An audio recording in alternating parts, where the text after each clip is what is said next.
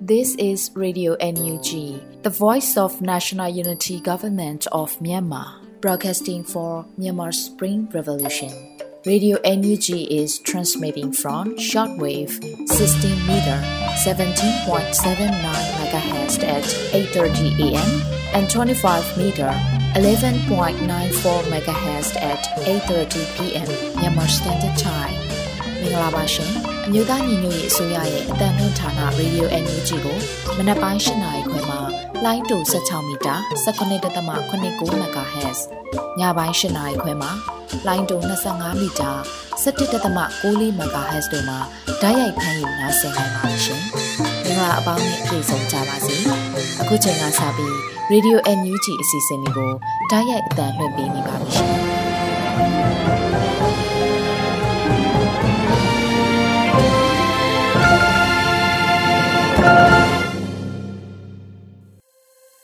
မြန်မာနိုင်ငံသူနိုင်ငံသားအပေါင်းတဘာဝပြီးဆရာနာရှင်ပြီးတို့ကနေကင်းဝေးပြီးကိုစိတ်နှပါဘေးကင်းလုံခြုံကြပါစေလို့ရေဒီယိုအန်ယူချီဖွယ်သားများကဆုတောင်းမြတ်တာပို့သလိုက်ရပါတယ်ရှင်။အခုချိန်ကစပြီးကာဝေးဝင်ကြီးဌာနဝင်ကြီးဥယေမွန်ရဲ့ခုခံတော်လှန်စစ်ကြီးညာခြင်းတနစ်ပြည့်ထိမ့်မဲ့ PDF ရဲဘော်များတို့ပြောကြားချက်ကိုနားဆင်ကြရတော့မှာဖြစ်ပါတယ်ရှင်။ပြည်သူ့ကာကွယ်ရေးရဲဘော်များခင်ဗျာဒီနေ့ဆိုရင် အမျိုးသားညီညွတ်ရေးဆိုရကပြည်သူခုခံတွန်းလှန်စစ်ကိုတနိုင်ငံလုံးအတိုင်းအတာနဲ့လှဲနေလေအောင်မြင်းဆောင်မကြံဆင်နွှဲကြဖို့တက်လှနှိုးဆော်ခဲ့တာတစ်နှစ်တင်းတင်းပြည့်ခဲ့ပြီဖြစ်တယ်။တကယ်တမ်းမြေပြင်မှာရဲဘော်တို့လက်တွေ့တိုက်ပွဲဝင်နေခဲ့ကြတာကဒီရက်တဲ့အများကြီးစောတယ်။ဒီခုခံတွန်းလှန်စစ်အတွင်း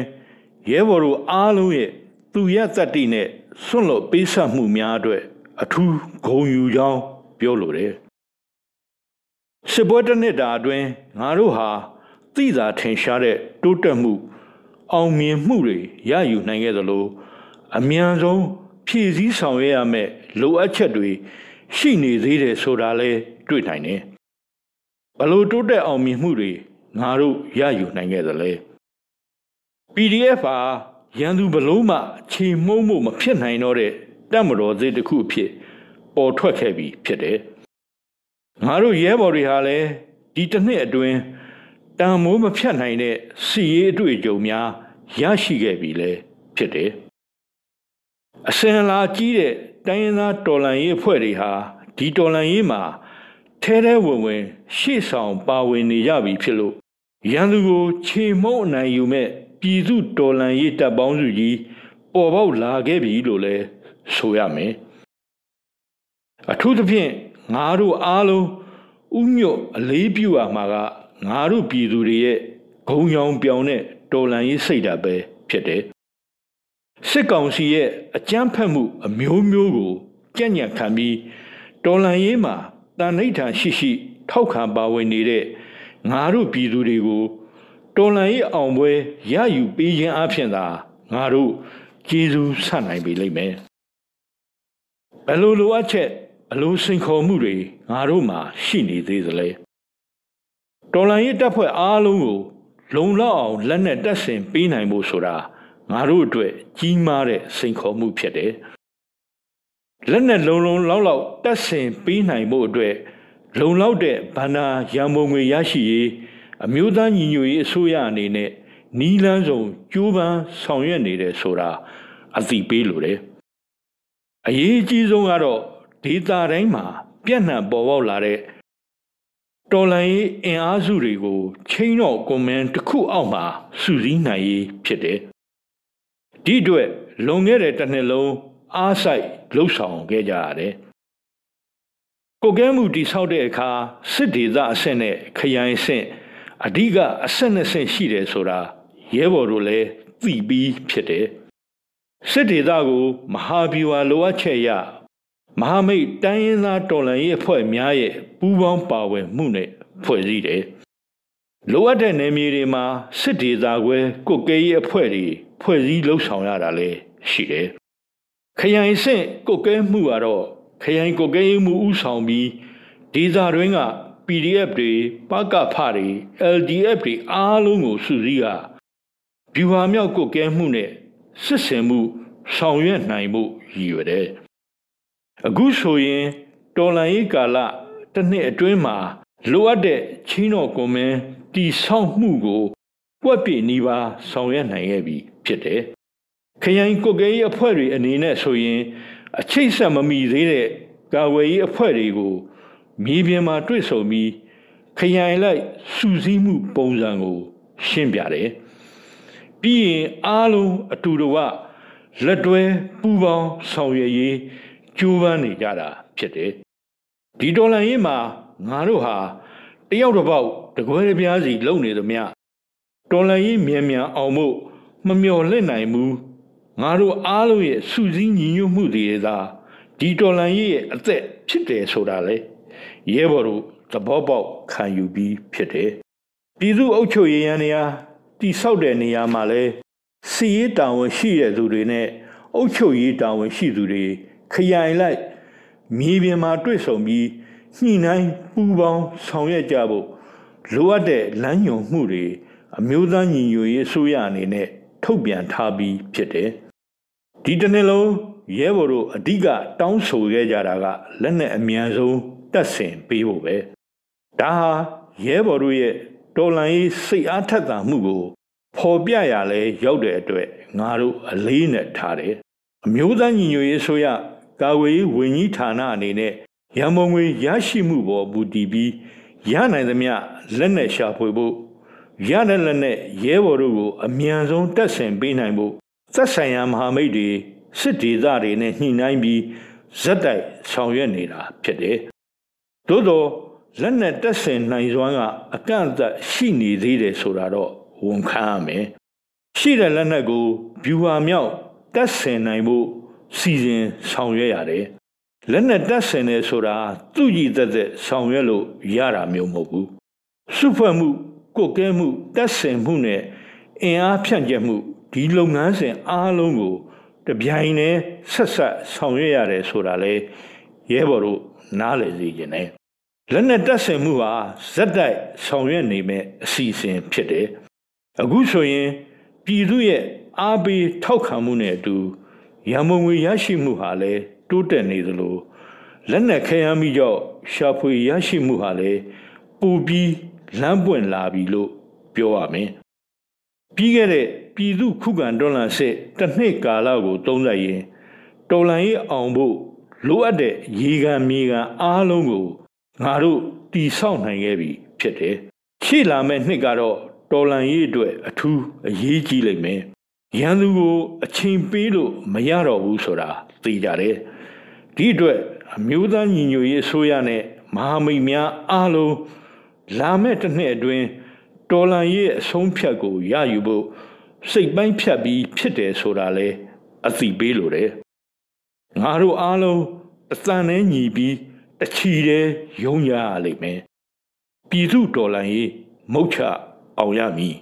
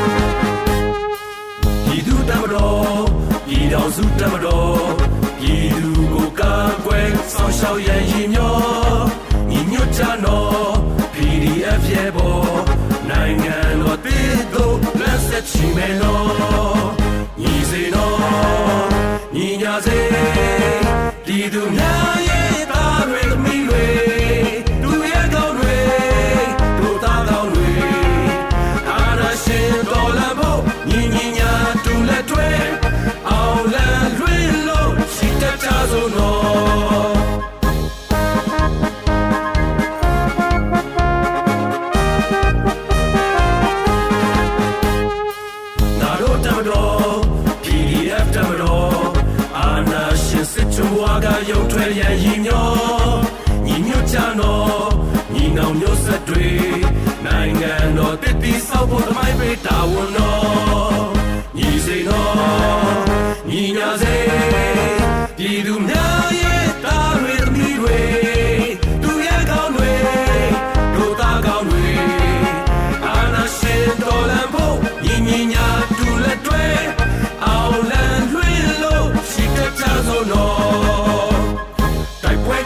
တိုက်ပွဲမျိုး PDF ရဲ့ပေါ်တပ်ပေးလူစွန်စားက yes ဆိုင်တိုက်ခိုင်မနော်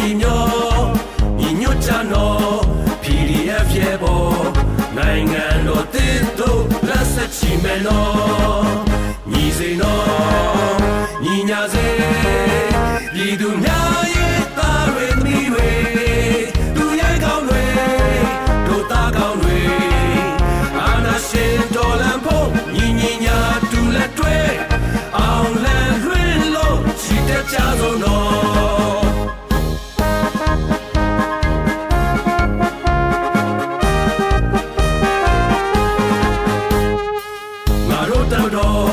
PDF တမတော်အာနာရှင်စစ်ချုံဝါကရုံထွက်ရန်ရင်ညောညီညွတ်ကြတော့ညီနောင်မျိုးဆက်တွေနိုင်ငံတော်တည်တည်ဆောက်ဖို့သမိုင်းပေးတာဝန်တော်ညီစေတော်ညီညာစေပြည်သူများရဲ့သားတွေသမီးတွေ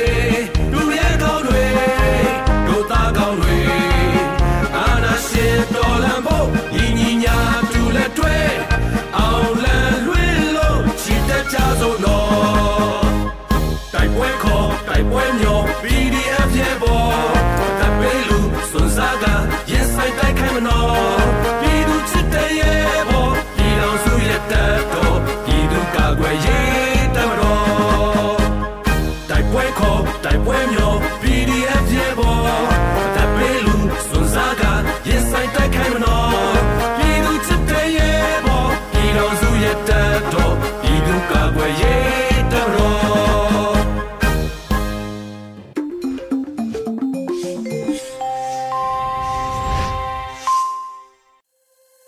ရေဒီယိုညူဂျီမှာဆက်လက်တင်ပြနေပါတယ်။အခုဆက်လက်ပြီးကာကွယ်ရေးဝန်ကြီးဌာနရဲ့စီးရေးသတင်းချင်းချုပ်ကိုမောင်ကျူးမှဖတ်ကြားတင်ပြပေးပါရမရှင်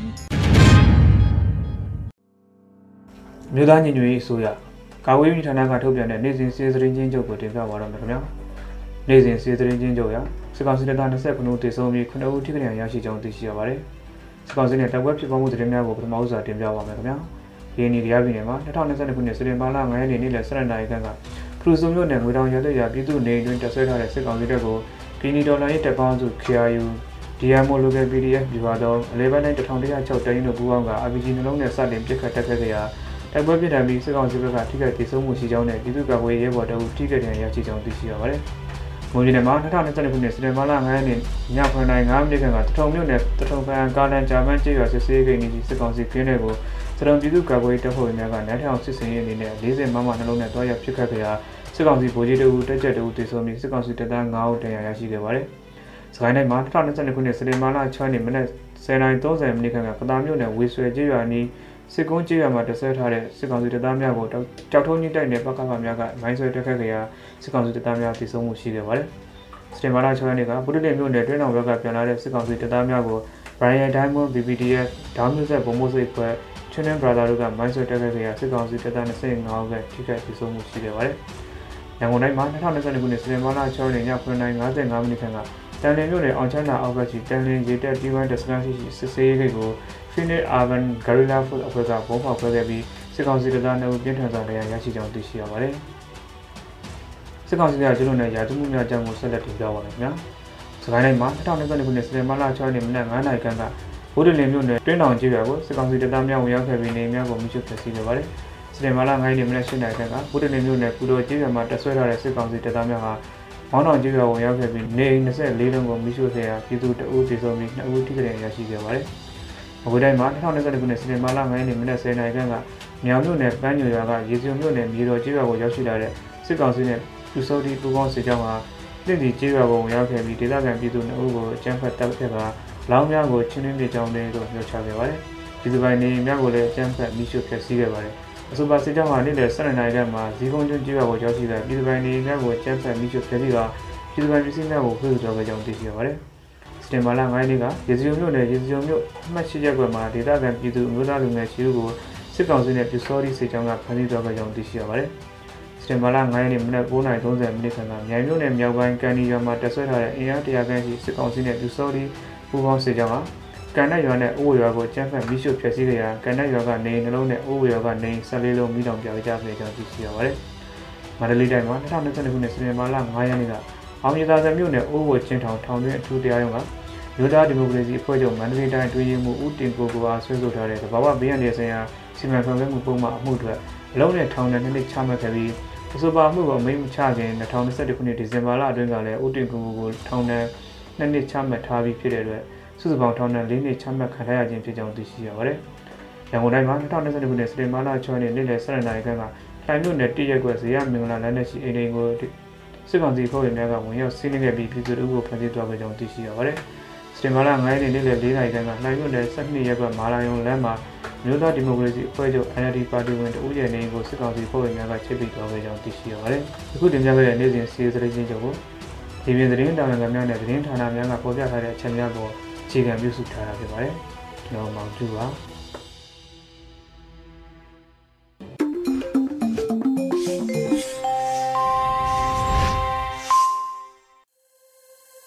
ရေဒီယိုအန်ယူဂျီရဲ့မနက်ခင်းစီစဉ်တွေကိုဆက်လက်တင်ပြနေပါတယ်။အခုဆက်လက်ပြီးနားဆင်ကြမှာကတော့နောက်ဆုံးရသတင်းများဖြစ်ပါတယ်။အဲရီမှဖတ်ကြားတင်ပြပေးပါရမရှင်။ မင်္ဂလာပါရှင်။အခုချိန်ကစပြီးရေဒီယိုအန်ယူဂျီမနက်ခင်းပြည်တွင်သတင်းတွေကိုတင်ပြပေးတော့မှာဖြစ်ပါတယ်။ကျွန်မကတော့အဲရီပါရှင်။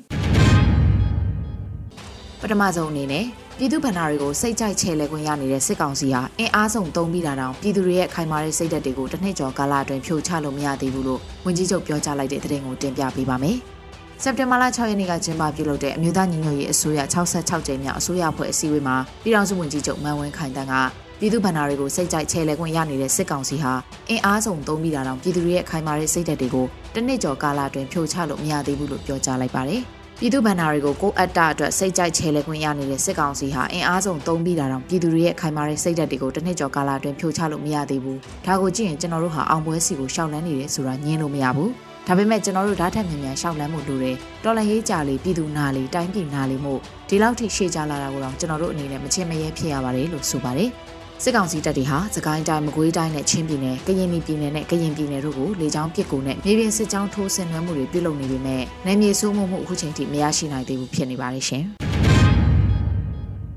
ပြည်ပရောက်မြန်မာနိုင်ငံသားတွေရဲ့သားသမီးတွေကိုမွေးစင်းလက်မှတ်ထုတ်ပေးတဲ့လုပ်ငန်းနဲ့ပတ်သက်ပြီးဒူးဝင်ကြီးခူးတဲ့ဘူးရှင်းလင်းတဲ့သတင်းကိုလည်းတင်ပြပေးပါောင်းမယ်။ ပြည်ပရောက်မြန်မာနိုင်ငံသားတွေရဲ့သားသမီးတွေကိုမွေးစင်းလက်မှတ်ထုတ်ပေးတဲ့လုပ်ငန်းနဲ့ပတ်သက်လို့ဒုဝန်ကြီးခူးတဲ့ဘူးကအမျိုးသားညီညွတ်ရေးအစိုးရရဲ့66ကြိမ်မြောက်အစိုးရဖွဲ့အစည်းအဝေးမှာတင်ပြခဲ့ပါတယ်။အစည်းအဝေးမှာပြည်ထောင်နဲ့လူမှုကြီးကြပ်ရေးဝန်ကြီးဌာနဒုတိယဝန်ကြီးခူးတဲ့ဘူးကပြည်ပရောက်မြန်မာနိုင်ငံသားတွေရဲ့သားသမီးတွေကိုမွေးစင်းလက်မှတ်ထုတ်ပေးတဲ့လုပ်ငန်းနဲ့ပတ်သက်ပြီးရှင်းလင်းတင်ပြဆွေးနွေးခဲ့တာပါ။ အမျိုးသားညီညွတ်ရေးအစိုးရရဲ့66ကြိမ်မြောက်အစိုးရဖွဲ့အစည်းအဝေးကိုယာယီသမရထူဝါလက်ရှိလာပြည်ထောင်စုဝန်ကြီးချုပ်မန်ဝင်းခိုင်တန်းတို့အပါအဝင်ပြည်ထောင်စုဝန်ကြီးတွေနဲ့ဒုတိယဝန်ကြီးတွေတက်ရောက်ခဲ့ကြပါတယ်။အမျိုးသားညီညွတ်ရေးအစိုးရဟာຫນွေဦးတော်လှန်ရေးမှာပံ့ပိုးကူညီခဲ့တဲ့ပြည်ပရောက်ပြည်ထောင်စုသားတွေကိုလည်းဂုံတူးဆောင်နိုင်ငံသားတွေအဖြစ်ပေးအပ်ဖို့စီစဉ်ခဲ့ရှိနေတာလည်းဖြစ်ပါတယ်ရှင်။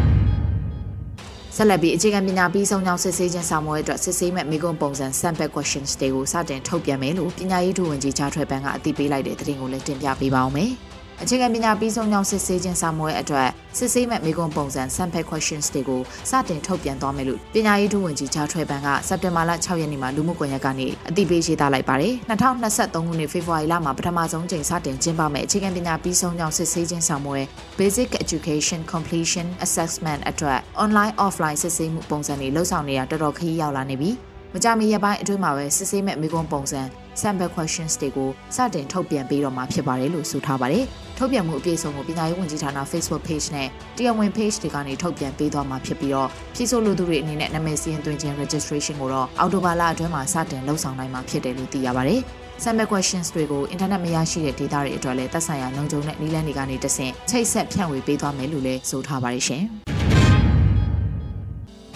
ဆက်လက်ပြီးနိုင်ငံရေးအကျဉ်းသားဟောင်းနဲ့တက်ကြွလှုပ်ရှားသူတအူဖြစ်သူ ကိုအောင်စောဦးစစ်ကြောရေးကာလအတွင်းပြင်းထန်စွာရိုက်နှက်စစ်ကြောခြင်းခံခဲ့ရတဲ့ဒဏ်ရာတွေနဲ့အကျဉ်းထောင်အတွင်းမှာတည်ဆုံးခဲ့ရတဲ့ဆိုတဲ့သတင်းကိုတင်ပြပေးပါမယ်။နိုင်ငံရေးအကျဉ်းသားဟောင်းနဲ့တက်ကြွလှုပ်ရှားသူတဦးဖြစ်သူကိုအောင်စောဦးဟာစစ်ကြောရေးကာလအတွင်းပြင်းထန်စွာရိုက်နှက်စစ်ကြောခြင်းခံခဲ့ရတဲ့ဒဏ်ရာတွေနဲ့အကျဉ်းထောင်အတွင်းမှာတည်ဆုံးခဲ့ရတယ်လို့စက်တင်ဘာလ6ရက်နေ့မှာ AABB ကသတင်းထုတ်ပြန်ပါတယ်။နိုင်ငံရေးအကျဉ်းသားဟောင်းနဲ့တက်ကြွလှုပ်ရှားသူတဦးဖြစ်သူကိုအောင်စောဦးဟာစစ်ကြောရေးကာလအတွင်းပြင်းထန်စွာရိုက်နှက်စစ်ကြောခြင်းခံခဲ့ရတာကြောင့်နိုင်ရိုးများကျိုးသွားခဲ့ပါတယ်။အဆိုပါထံတွေကြောင့် အကျဉ်းထောင်တွင်ကျန်းမာရေးဆိုးရွားလာခဲ့ပြီးဆက်ဆံထွန်းစေယုံတို့ပို့ဆောင်ရေးကုသတော်လဲစက်တင်ဘာလ6ရက်နေ့တွင်တိတ်ဆုံးသွားခဲ့ပါတယ်လို့ AAPP ကဆိုပါတယ်။နိုင်ငံရေးအကျဉ်းသားဟောင်းနဲ့တက်ကြွလှုပ်ရှားသူတဦးဖြစ်တဲ့ကိုအောင်စောဦးခေါ်မိုဟာမက်ဖွာယူဟာ2021ခုနှစ်ဇူလိုင်လ22ရက်နေ့မှာရှမ်းပြည်နယ်တောင်ကြီးမြို့မှာဖမ်းဆီးခြင်းခံခဲ့ရတာဖြစ်ပါတယ်။2022ခုနှစ်မေလအတွင်းမှာ၎င်းဟာအကြမ်းဖက်မှုတိုက်ဖျက်ရေးဥပဒေပုံမှန်52ကကြီးနဲ့ထောင်ဒဏ်9နှစ်ချမှတ်ခြင်းကိုခံခဲ့ရတာလည်းဖြစ်ပါတယ်ရှင်။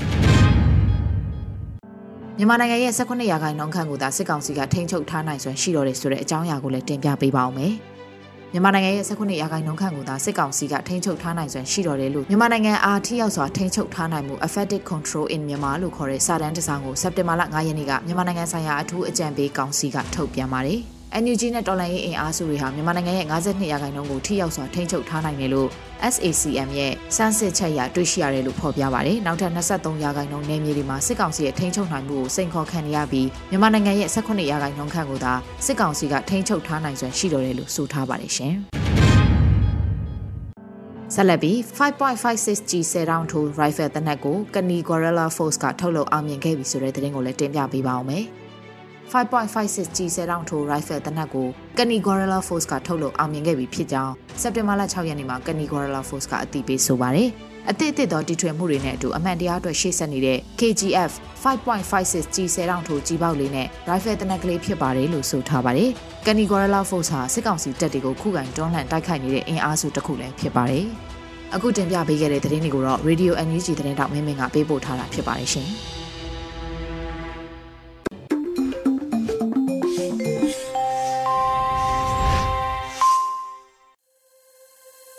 ရေဒီယိုအန်ယူဂျီရဲ့မနက်ခင်းစီစဉ်တွေကိုနားဆင်နေရတာဖြစ်ပါတယ်။အခုဆက်လက်ပြီးနားဆင်ကြရမှာကတော့ပြည်သူခုခံစစ်တည်င်းများဖြစ်ပါတယ်။နှွေဦးလိပ်ပြမှဖက်ကြားတင်ပြပေးပါရမရှင်။ပထမဆုံးအနေနဲ့ဝက်လက်မြို့နယ်ရှိမကာကြီးရွာရှိစစ်ကောင်စီစခန်းကိုဒေသကာကွယ်ရေးတပ်ဖွဲ့များကဒရုန်း၅စီးဖြင့်ဘုံကျဲတိုက်ခိုက်တဲ့တဲ့ရင်တင်ဆက်ပါမယ်။။စကိုင်းတိုင်းဝလက်မြို့နယ်ရှိမကကြီးရွာတွင်ဝင်ရောက်တဆွဲထားသောအကြမ်းဖက်စစ်ကောင်စီစခန်းကို ဒေသကာကွယ်ရေးမဟာမိတ်အဖွဲ့များကစက်တင်ဘာလ9ရက်ယမန်နေ့မွန်းလွဲပိုင်းတွင် drone ၅စီးဖြင့်ဘုံကျဲတိုက်ခိုက်ခဲ့ကြောင်းသတင်းရရှိပါသည်။ရှိမကကြီးရွာတွင်အကြမ်းဖက်စစ်တပ်ရဲနှင့်လက်ပါစီပြူစောတီများစခန်းချတပ်ဆွဲထားပြီးရင်းစခန်းကိုယမန်နေ့မွန်းလွဲ2နာရီတွင်ဒရုန်းများဖြင့်ရှစ်ကြိမ်ဘုံကျဲတိုက်ခိုက်ခဲ့ခြင်းဖြစ်ကြောင်းနှင့်စစ်ကောင်စီတပ်ဖွဲ့ဝင်များထိခိုက်ဒေဆုံးစီးရင်ကိုဆက်လက်စုံစမ်းစစ်ဆေးနေဆဲဖြစ်ကြောင်း လျှက်စီးပြောက်ကြားတပ်ဖွဲ့ဝက်လက်ကသတင်းထုတ်ပြန်ထားတာပါနောက်ဆုံးအနေနဲ့ KNU ကောတူလေးနမြေတပ်မဟာ9တွင်ဩဂုတ်လအတွင်းတိုက်ပွဲ130ကျော်ဖြစ်ပွားပြီးစစ်ကောင်စီဘက်မှ80ကျော်တိတ်ဆုံးတဲ့သတင်းတင်ဆက်ပါမယ်ကရင်မျိုးသားအစည်းအရုံး KNU ကောတူလေးအုပ်ချုပ်နယ်မြေတမဟာငါမူတရဖပွန်ခရိုင်တွင်အကြံဖက်စစ်တပ် BGF ပူးပေါင်းတပ်ဖွဲ့နှင့်ကရင်မျိုးသားလူမျိုးရေးတမတော်ကြား ဩဂုတ်လတလအတွင်းတိုက်ပွဲပေါင်း118ကြိမ်ဖြစ်ပွားခဲ့ပြီးစစ်ကောင်စီဘက်မှ84ဦးသေဆုံးက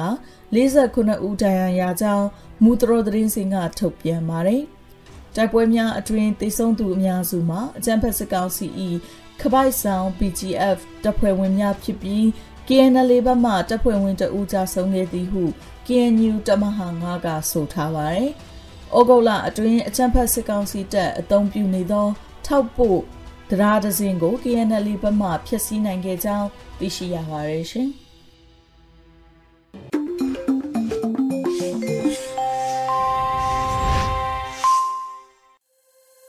ဗီဒီယိုညူချီပရိသတ်တွေအတွက်ကူးဆက်လက်ပြီးထုတ်လွှင့်ပေးမှာကတော့ PPTV ရဲ့နေ့စဉ်သတင်းများဖြစ်ပါတယ်။ထက်ထက်အင်ဒရာအောင်မှဖက်ကြားတင်ပြပေးပါရမရှင်။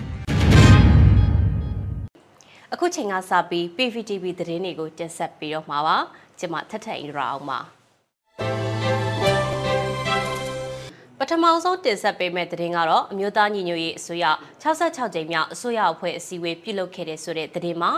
အမျိုးသားညီညွတ်ရေးအစိုးရရဲ့66ကြိမ်မြောက်အစိုးရအဖွဲ့အစည်းအဝေးကိုဒီကနေ့မနက်10:00နာရီမှာပြုလုပ်ခဲ့ပါတယ်။အစည်းအဝေးမှာယာယီသမရဒူဝါလက်ရှိလာကအဖွင့်မိန်ကွန်ပြောကြားခဲ့ပြီးတဲ့နောက်ပြည်တော်စုဝန်ကြီးချုပ်ကမိန်ကွန်ပြောကြားခဲ့ပါတယ်။ယာယီသမရဒူဝါလက်ရှိလာကအကြမ်းဖက်စစ်ကောင်စီအနေနဲ့အပြစ်မဲ့ပြည်သူတွေကိုနီလန်မျိုးစုံနဲ့နှိပ်စက်ပြီးတော့တိုင်းပြည်ကထွက်ပြေးသွားအောင်နှိမ်ထုတ်နေတာကိုတွေ့ရပါတယ်။ ကျွန်တော်တို့အမျိုးသားညီညွတ်ရေးအစိုးရကနိုင်ငံပြင်ပကိုအကြောင်းမျိုးမျိုးနဲ့ထွက်ခွာသွားတဲ့ဒုနိုင်ငံသားတွေကိုကုညီဆောက်ရှောက်နိုင်ဖို့လှုံ့ဆော်ပေးနေတဲ့အစိုးရဖြစ်ပါတယ်။ကာဝယ်ပေးဖို့လည်းတာဝန်ရှိပါတယ်လို့ပြောကြားခဲ့ပါတယ်။ဆက်လက်ပြီးတော့လည်းပြည်သူ့ခုခံတော်လှန်စစ်ကြီးညာတဲ့တနစ်ပြည့်ကာလအတွင်းမိမိတို့အစိုးရအနေနဲ့အောင်မြင်မှုများစွာရရှိခဲ့တယ်လို့စိန်ခေါ်မှုများထိခိုက်နစ်နာမှုများလည်းရှိခဲ့ပါတယ်။မိမိတို့အနေနဲ့အဆိုပါထိခိုက်နစ်နာမှုတွေကိုသင်ခန်းစာအဖြစ်ယူပြီးတော့စိန်ခေါ်မှုတွေကိုကြော်လွှားက ပြည်သူလူထုများလိုလားမျှော်မှန်းနေတဲ့ပန်းနိုင်ကိုအမြန်ဆုံးရောက်ရှိအောင်ဆက်လက်အားတင်ပြီးတော့စ조사ကြမှာဖြစ်ပါတယ်လို့ယာယီသမရကပြောကြားခဲ့ပါတယ်။ပြည်ထောင်စုဝန်ကြီးချုပ်မန်ဝင်းခိုင်တန်းကပြည်သူ့ဗန္နာတွေကိုကိုယ့်အတ္တအတွက်စိတ်ကြိုက်ချဲလဲခွင့်ရနေတဲ့စစ်ကောင်စီဟာအင်အားစုံသုံးပြီးတာတော့ပြည်သူတွေရဲ့ခိုင်မာတဲ့စိတ်ဓာတ်တွေကိုတနစ်ကျော်ကာလအတွင်းဖြိုချလို့မရသေးဘူး။ဒါကိုကြည့်ရင်ကျွန်တော်တို့ဟာအောင်ပွဲစီကိုရှောက်လန်းနေတယ်ဆိုတာညင်းလို့မရဘူး။ဒါပေမဲ့ကျွန်တော်တို့ဓာတ်ထက်မြန်မြန်ရှောက်လန်းဖို့လိုတယ်။ တော်လှန်ရေးကြာလီပြည်သူတွေနာလီတိုင်းပြည်နာလီမို့ဒီလောက်ထိရှေ့ကြလာတာကိုတော့ကျွန်တော်တို့အနေနဲ့မချစ်မရဲဖြစ်ရပါတယ်လို့ပြောကြားထားပါတယ်။ဆက်လက်ပြီးတော့လဲကျွန်တော်တို့တော်လှန်ရေးမှာပြပကအကူအညီမရသေးတာတော့မှဒီလောက်ထိစ조사ရှာဖွေပေးနေတဲ့စီမံကိန်းဗန္ဓာရေးနဲ့ရင်းနှီးမြှုပ်နှံမှုဝန်ကြီးဌာနကိုလည်းကျေးဇူးတင်ရပါတယ်။နီလမျိုးစုံနဲ့တော်လှန်ရေးရန်မုံငွေတွေကိုထည့်ဝင်ပေးနေကြတဲ့ပြည်တွင်းပြည်ပကပြည်သူတွေကိုလည်းအထူးကျေးဇူးတင်ပါတယ်။ အဲဒီနောက်မှာတော့ပြည်ထောင်စုငွေကြီးချုပ်ကတင်ပြလာတာတွေကိုပြန်လည်ရှင်းလင်းဆွေးနွေးခဲ့ပြီးယာဟီသမရကဏီကုံကျော်အမှားစကားပြောကြကအစည်းအဝေးကိုရုပ်သိမ်းခဲ့ပါတယ်။အခုတင်ဆက်ပေးမှာကတော့နိုင်ငံတကာအဖွဲ့အစည်းတွေအနေနဲ့အကြမ်းဖက်စစ်ကောင်စီရဲ့စစ်ရာဇဝတ်မှုရှေးဟောင်းရည်ကျင်းမှုတမိုင်းအမွေနှစ်တွေပေါ်ဖျက်ဆီးမှုတွေကိုစောင့်ကြည့်ကြဖို့အတွက်ရခိုင်မျိုးသားအဖွဲ့ချုပ်ကထုတ်ပြန်လိုက်တဲ့ဆိုတဲ့သတင်းမှာနိုင်ငံတကာအဖွဲ့အစည်းတွေနိုင်ငံတကာအတိုက်အဝန်းနေ စစ်ရာဇဝတ်မှုစောင့်ကြည့်ရေးအဖွဲ့တွေအနေနဲ့အကြမ်းဖက်စစ်ကောင်စီရဲ့စစ်ရာဇဝတ်မှုရှေးဟောင်းရည်ကျင်းမှုတမိုင်းအမွေအနှစ်တွေပေါ်ဖျက်ဆီးမှုတွေကိုစောင့်ကြည့်ကြဖို့အတွက်စက်တင်ဘာလ9ရက်ရက်စွဲနဲ့ရခိုင်မျိုးသားအဖွဲ့ချုပ်ကထုတ်ပြန်လိုက်တာပါ။ထုတ်ပြန်ချက်ထဲမှာတော့နိုင်ငံတကာအဖွဲ့အစည်းတွေနိုင်ငံတကာအတိုင်းအဝိုင်းဆရာဆွေမှုစောင့်ကြည့်ရေးအဖွဲ့တွေတာဝန်သိပြည်သူတွေအနေနဲ့အကြမ်းဖက်စစ်ကောင်စီရဲ့ရခုရက်များအတွင်းရခိုင်ပြည်မြို့နယ်အသီးသီးရဲ့မြို့ပေါ်မှာတွာလာလှုပ်ရှားနေမှုတွေနဲ့လောက်ရက်တွေကိုအထူးသတိထားစောင့်ကြည့်ရန်၎ င်းတို့ကြံစီနေတဲ့မြောက်ဦးစည်းကိုမိရှုမဲ့အကြံအစီများအထမမြောက်ရေးစောင့်ကြည့်မှတ်တမ်းတင်ထားကြရန်အကယ်၍အကြမ်းဖက်စစ်ကောင်စီအနေနဲ့အထမြောက်ခဲ့ပါက၎င်းတို့ရဲ့ယခုကဲ့သို့သောစစ်ရာဆွဲမှုလူသားမျိုးနဲ့အပေါ်ပြစ်မှုကျူးလွန်တာရှေးဟောင်းရည်ကြည်မှုတမိုင်းအမွေနှစ်တွေကိုဖျက်ဆီးတဲ့ပြစ်မှုကျူးလွန်တာမျိုးကိုတစ်ချိန်ချိန်မှာအပြစ်ပေးအရေးယူနိုင်ရန်အတွက်နိုးနိုးကြကြတတိနဲ့နေထိုင်သွားလာကြရန်အတွက်ရခိုင်မျိုးသားအဖွဲ့ချုပ်ကနိုင်ငံတကာနဲ့မိဘပြည်သူတွေကိုတိုက်တွန်းထားပါတယ်။ရခိုင်တပ်တော် AA အနေနဲ့ ပြည်သူလူထုနဲ့နီးကပ်သောနေရာတွေမြို့ရွာတွေတမိုင်းဝင်စေတီပထိုးတွေတာသနိကအဆောက်အုံတွေစာတင်ကျောင်းတွေကမ္ဘာရည်ကြည်မှုအမွေနှစ်များရှိရာနေရာတွေမှာတက်စခန်းချတာလက်နက်ကြီးစခန်းတွေပြုလုပ်ကပြစ်ခတ်တိုက်ခိုက်နေတာတိုက်ပွဲတွေဖော်ဆောင်နေတာအဆရှိတဲ့လုပ်ရက်တွေကိုဘယ်တော့အခါမှမလုပ်ခဲ့ဘူးလို့ပြောထားပါတယ်။အဲဒီလိုပဲရခိုင်လူမျိုးတွေအတွက်သာမကကမ္ဘာလူသားတွေအတွက်ပါကမ္ဘာအမွေနဲ့စည်ရင်ဝင်ရန်စ조사နေတဲ့မြောက်ဦးမျိုးနဲ့ မြို့ပတ်ဝန်းကျင်မှာရှိတဲ့ရှီဟောင်းသမိုင်းဝင်အမွေနှစ်နေရာတွေကိုအထူးအလေးထားဂရုပြုရှောက်ကျင်နေဆိုပြီးတော့လဲဖော်ပြထားတာကိုတွေ့ရပါတယ်။အကြမ်းဖက်စစ်ကောင်စီကမြောက်ဦးမြို့အတွင်းမှာညအချိန်စစ်ကားတွေနဲ့လှည့်လည်သွားလာပြီးမတမာတဲ့လုပ်ရက်တွေကိုပြုလုပ်ရန်ကြံစည်နေသလိုမြောက်ဦးဈေးကိုလည်းမိုင်းရှင်းလင်းရေးအကြောင်းပြချက်နဲ့ဈေးတစ်ခုလုံးပိတ်ခိုင်းပြီးတော့ပြည်သူတွေအလန့်တကြားနဲ့စိုးရိမ်မှုဖြစ်အောင် မိရှို့ဖို့ကြံစည်လှုံ့ဆော်နေတယ်လို့ထုတ်ပြန်ချက်မှာဖော်ပြထားပါတယ်။အကြမ်းဖက်စစ်ကောင်စီရဲ့မြောက်ဦးဈေးကိုမိရှို့ရန်ကြံစည်တဲ့လုပ်ရက်ကမြောက်ဦးမြို့အပါအဝင်မြောက်ဦးဈေးကိုမိခိုကရောင်းဝယ်ဖောက်ကားနေကြတဲ့ပြည်သူလူထုကိုစောင့်ဝင်နေရေးအခက်အခဲအကျက်အတဲ့အငတ်ဘေးဆိုင်အောင်တမင်တကာရည်ရွယ်ချက်ရှိရှိနဲ့လှုံ့ဆော်တာဖြစ်တယ်လို့ဖော်ပြထားတာကိုတွေ့ရပါတယ်။ကျေးဇူးတင်ပါတယ်ရှင်။ဒီကနေ့ကတော့ဒီညနဲ့ပဲ Radio NUG ရဲ့အစီအစဉ်လေးကိုခਿੱတရနာလိုက်ပါမယ်ရှင်။ မြမစံတော်ချိန်မနက်၈နာရီခွဲနဲ့ည၈နာရီခွဲအချိန်တွေမှာပြန်လည်ဆုံတွေ့ကြပါစို့။ Radio NUG ကိုမနက်ပိုင်း၈နာရီခွဲမှာလိုင်းတူ16မီတာ19.8 MHz ညပိုင်း၈နာရီခွဲမှာလိုင်းတူ25မီတာ17.6 MHz တို့မှာဓာတ်ရိုက်ဖမ်းလို့နိုင်စေနိုင်ပါပြီ။မြန်မာနိုင်ငံသူနိုင်ငံသားတွေကိုစိတ်နှပြကျန်းမာချမ်းသာလို့ဘေးကင်းလုံခြုံကြပါစေလို့ Radio NUG အဖွဲ့သူဖွဲ့သားတွေကဆုတောင်းမြတ်တာပို့တာလိုက်ရပါတယ်ရှင်။ မြေသားညီမတွေအစိုးရရဲ့စက်သွေးရေးသတင်းအချက်အလက်နဲ့မြို့ပညာဝန်ကြီးဌာနကထုတ်လွှင့်နေတဲ့ Radio NUG ဖြစ်ပါတယ်။ San Francisco Bay Area အခြေစိုက်မြန်မာမိသားစုတွေနဲ့နိုင်ငံတကာကစေတနာရှင်လို့အားပေးနေတဲ့ Radio NUG ဖြစ်ပါတယ်။အရေးတော်ပုံအောင်ရမည်